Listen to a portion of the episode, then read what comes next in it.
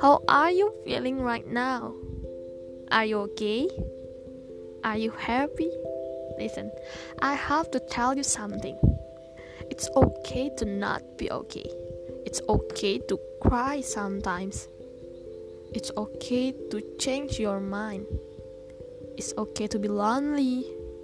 It's okay to be selfish. It's okay to realize because you are normal humans.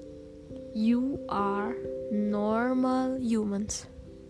It actually means that you've been strong for so long, and I want to you know that it's okay. It's gonna be fine.